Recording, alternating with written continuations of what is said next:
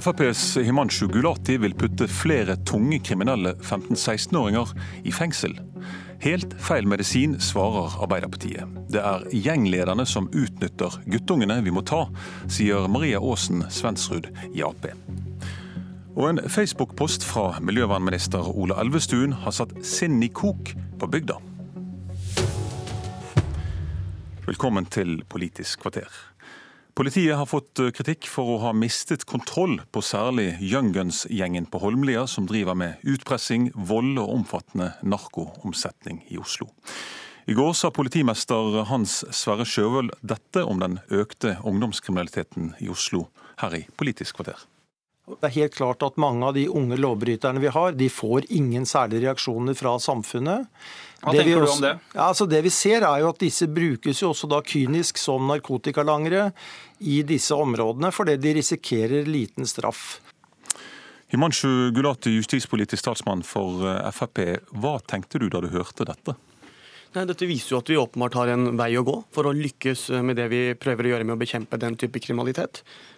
Hva slags type virkemidler eh, har du tenkt på da? Vi som samfunn har jo hatt et mål om at ungdommer ikke skal settes i fengsel. Og, og det er jo riktig, fordi noen som gjør en feil tidlig i livet, skal, ikke, skal, få en mulighet til å komme på rett vei resten av livet.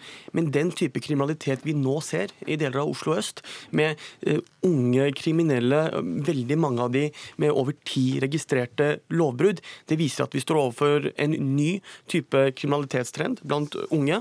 Og på de gjengangerne så mener jeg at vi må bruke hardere lut, og også vurdere fengselsstraffer. For dette er ikke ungdommer som har begått én feil og som trenger hjelp tilbake. Dette er hardbarka seriekriminelle som utnyttes kynisk og er en del av et organisert kriminelt miljø, og velger å være det bevisst. Og Da må det også få noen konsekvenser. Og I tillegg til å vise at det får konsekvenser å velge å være seriekriminell, så har det også en annen funksjon. Det er å ta de ut fra disse miljøene, ta de ut fra miljøene, slik at man kan splitte opp eh, de miljøene hvor de fungerer som både rekrutteringsagenter og forbilder. Vi hørte politimesteren som sa at eh, de unge brukes kynisk til å drive narkolanging fordi de risikerer liten straff. Vil du åpne for fengsel for, for, disse?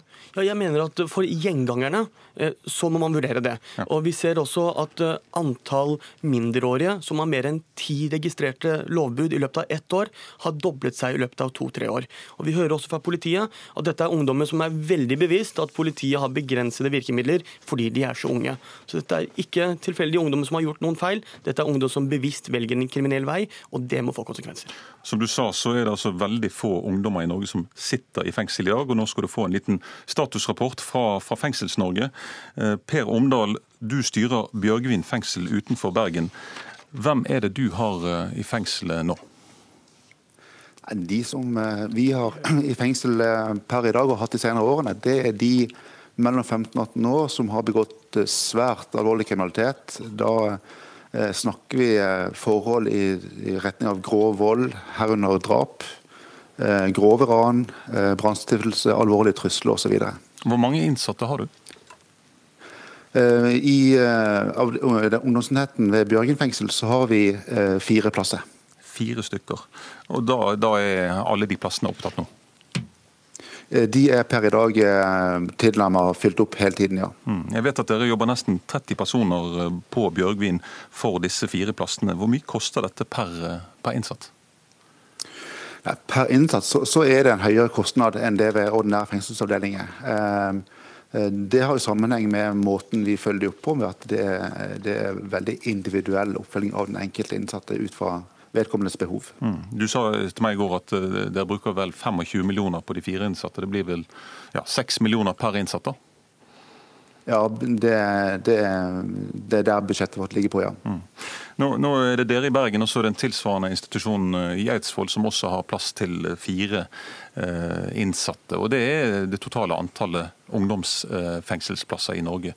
Hvorfor er det så få?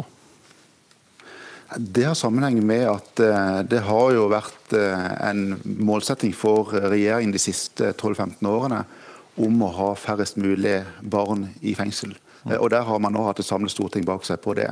Sånn at Da har det vært fokus på å, å, eh, fokus, å, å prøve å eh, ha alternative straffereaksjoner i samfunnet, f.eks. For i form av ungdomsstraff. utvidelse av denne samfunnsstraffen som, som gjennomføres, og utvide adgang til å gjennomføre straff med elektronisk kontroll i samfunnet. Man har altså gått bort fra å fengsle ungdommer til, til det lille antall du, du snakker om her nå?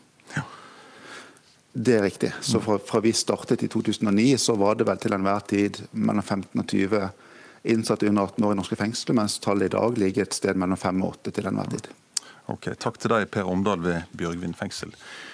Da vender jeg til deg, Maria Aasen Svensrud. Du er talsperson for kriminalomsorgen i eh, Arbeiderpartiet.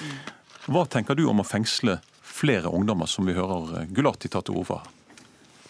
For det første så vil jeg si at vi må ha fokuset vårt veldig klart, og det skal ligge på å ta bakmennene eh, når vi snakker om gjengkriminaliteten og utfordringene rundt det i Oslo. Det Frp her eh, tar til orde for og, og gjør seg til talsperson for, det er altså å sette løpeguttene i fengsel. Eh, det tror jeg ikke er noe spesielt god løsning. Arbeiderpartiet mener vi må sette kontinuerlig sterk styrke inn hos politiet for å kunne fange bakmennene. For du får jo ikke stopp stoppet denne kriminelle utviklingen som vi har sett nå eh, eh, med en økende ungdomskriminalitet, ved å fange løpeguttene, sette ungdom i fengsel. Det vil bare gro under bakmennene på ny. Dette er en quick fix, og det holder ikke i lengden. Og i tillegg så tror jeg heller ikke det vil ha den effekten, verken forebyggende eller rehabiliterende, mm. som Gulati eh, kanskje ønsker seg.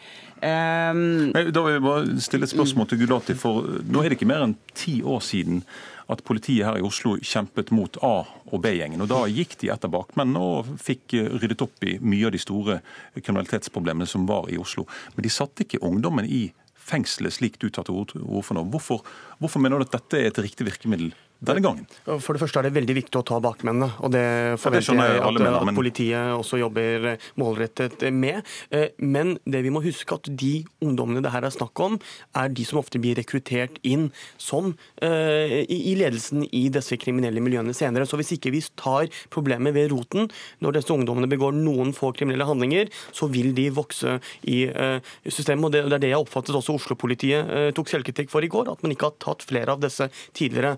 Men så vil jeg også Men, men det er svar på det, Gulati. Ja. Altså, sist, i, i, siste runde vi hadde, ja. som var en, en stor uh, kriminell krig ja. i Oslo, da gikk altså politiet etter bakmennene, og de tok ikke ungdommene satte de i fengsel. Hvorfor skal man gjøre det i dag? For det vi ser nå er annerledes. Det vi har sett de siste to-tre årene, er at antall mindreårige som begår over ti straffbare uh, forhold, har mer enn doblet seg på to-tre år. Det viser at vi nå har en annen type utfordring, hvor ungdom mindreårige rekrutteres i stort antall for okay. å drive hovedvirksomheten. Så dette er en helt annen type utfordring enn det vi har vært vant til de siste årene.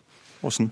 Nei, altså ungdom, det er jo ikke roten for videre kriminalitet. Løpegutten er ikke roten for videre kriminalitet. Eh, det er resultatet av den organiserte kriminaliteten. Styrt, organiserte, voksne bakmenn, og det er selvfølgelig de vi skal ta.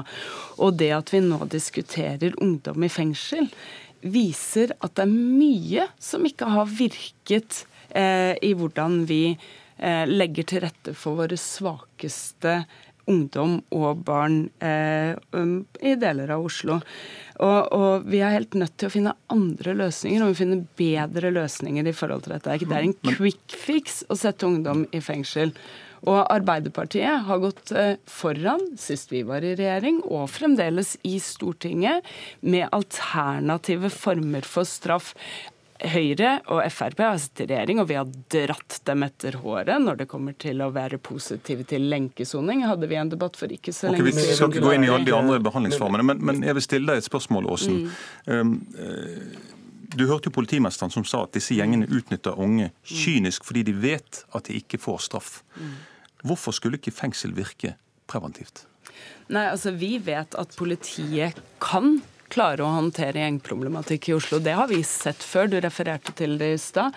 Og vi vet at med en riktig type innsats, med riktig type økonomi over tid, sånn at de får holder trykket oppe, så vil man kunne klare dette her sånn. Og det er mange gode alternativer til fengsling av barn og ungdom. Eh, og, og Arbeiderpartiet har jobbet mye med flere alternativer, som regjeringa har sittet og vært kritiske til. Og jeg vil gjerne få lov til å komme inn på våre løsninger til nettopp straffereaksjonen overfor disse ungdommene. Fordi at jeg er ikke enig i at man skal liksom la ungdommene eh, Nei, og du har begått noe kriminelt, det skal vi ikke gjøre noe med. Det er feil. Samfunnet må reagere overfor mennesker som bryter loven. Det er viktig. Og Da, da er det vi... ungdomsstraff som er Arbeiderpartiets hovedgrep? Ungdomsstraff er et alternativ. Ja. Vi har jo bygd opp eh, ungdomsfengslene, sånn som vi hører fra Bjørgvin, okay. med team og fagspesialitet. Det er den måten vi jobber med ungdom. Ja. Det, ja, dette handler om en grunnleggende uenighet mellom Arbeiderpartiet og Fremskrittspartiet om synet på straff. For Arbeiderpartiet har jo gjentatte ganger stemt mot økte straffer. Senest ett år siden, nøyaktig ett år siden i Stortinget så foreslo vi økte straffer for gjengangere på, eh, på alvorlige lovbrudd. Nå snakker vi om å sette dem i fengsel, Gulati. Ja, men, men, generelt, altså ja. Arbeiderpartiet har det, det, ganger. Det er et annet virkemiddel enn å, enn å, øke straffene. Det, er jo å sette ungdom i fengsel. Det handler om synet på om straff virker eller ikke. Mm. Og når man gjør noe alvorlig kriminelt, så er det nødvendig med en konsekvens og en straff som står i stil til det. Og, og I går så hørte man Raymond Johansen her på Politisk kvarter komme med forslag til løsninger på et problem han et par uker siden ikke engang ville erkjenne at fantes. Så det handler om en grunnleggende uenighet hvorvidt straff virker eller ikke. Nei. Altså, Veldig kort til slutt, Åsen. Ja. Vi, vi, skal vi skal ha straff som virker, og det går, gjelder både for barn og unge. Arbeiderpartiet mener vi skal ta bakmennene, og så skal vi teame opp rundt ungdommene både i forkant av kriminell eh, lovbrudd og i etterkant. Og så synes jeg ærlig talt at Frp nå kan slutte å være så innmari tøffe i retorikken, og det er dette tough on crime-greiene. Hva med å bli litt smart on crime? For det du holder på med nå, det er ikke smart, Gulati. Vet du hva, Der må jeg dessverre sette strek for dere, for vi har eh, en sak til vi skal inn i i Politisk kvarter. Takk for at dere kom. Abonner på Politisk kvarter som podkast og få sendinga rett til din mobil. I dag holder Senterpartiet sin halvårlige oppsummering for pressen, og da vil de gjerne fortelle om alle sine seire. Og Det kan jo nesten virke som de har fått en eh, lissepasning fra miljøvernminister Ola Elvestuen på Facebook Cato Nyquist, politisk redaktør i Nasjonen. Hva er det Elvestuen har gjort? Eh, Ola Elvestuen har vært ute på tur sammen med Statens eh, naturoppsyn, og, og fikk da treffe eh, noen firbente venner, kan man kanskje si. Altså Bl.a. Ulvevalpen Balder. Eh, og han eh, beskrev eh, det her som en fantastisk opplevelse, og, og, og klarte da å, å, hisse på seg store deler av Distrikts-Norge, og, og, ikke minst Senterpartiet. Ok, De som ser Politisk kvarter på NRK2 kan, kan jo se dette selv, mens dere andre kan høre hva Elvestuen har lagt ut på sin Facebook-side. Hvis noen trenger et bedre bevis på at vi skal ha ulv i Norge, og at vi trenger en levedyktig bestand, så er han her. Han er et veldig godt eksempel på hva ulv også innebærer. Dette er helt fantastisk.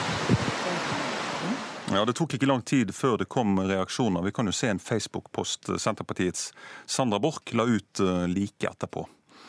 Og Her står det mens miljøvernministeren bruker tid på å dra rundt og kose med ulvevalper, river ulven i stykker sau og lam. 17 bekreftede eh, sauer er drept av ulv i dag. Eh, hvorfor gjør Elvestuen eh, dette? Jeg tenker at det er viktig for Elvestuen å, å markere at han og partiet er rovdyrvennlige. Eh, jeg oppfatter den eh, Facebook-posten hans som en hilsen tilbake til egne velgere. I Stortinget, før han ble miljøminister, så markerte jo Elvestuen seg nettopp som en, en av de varmeste talsmennene for, for, å, for ulv i norsk natur. Men det mobiliserer velgerne i Senterpartiet også, dette?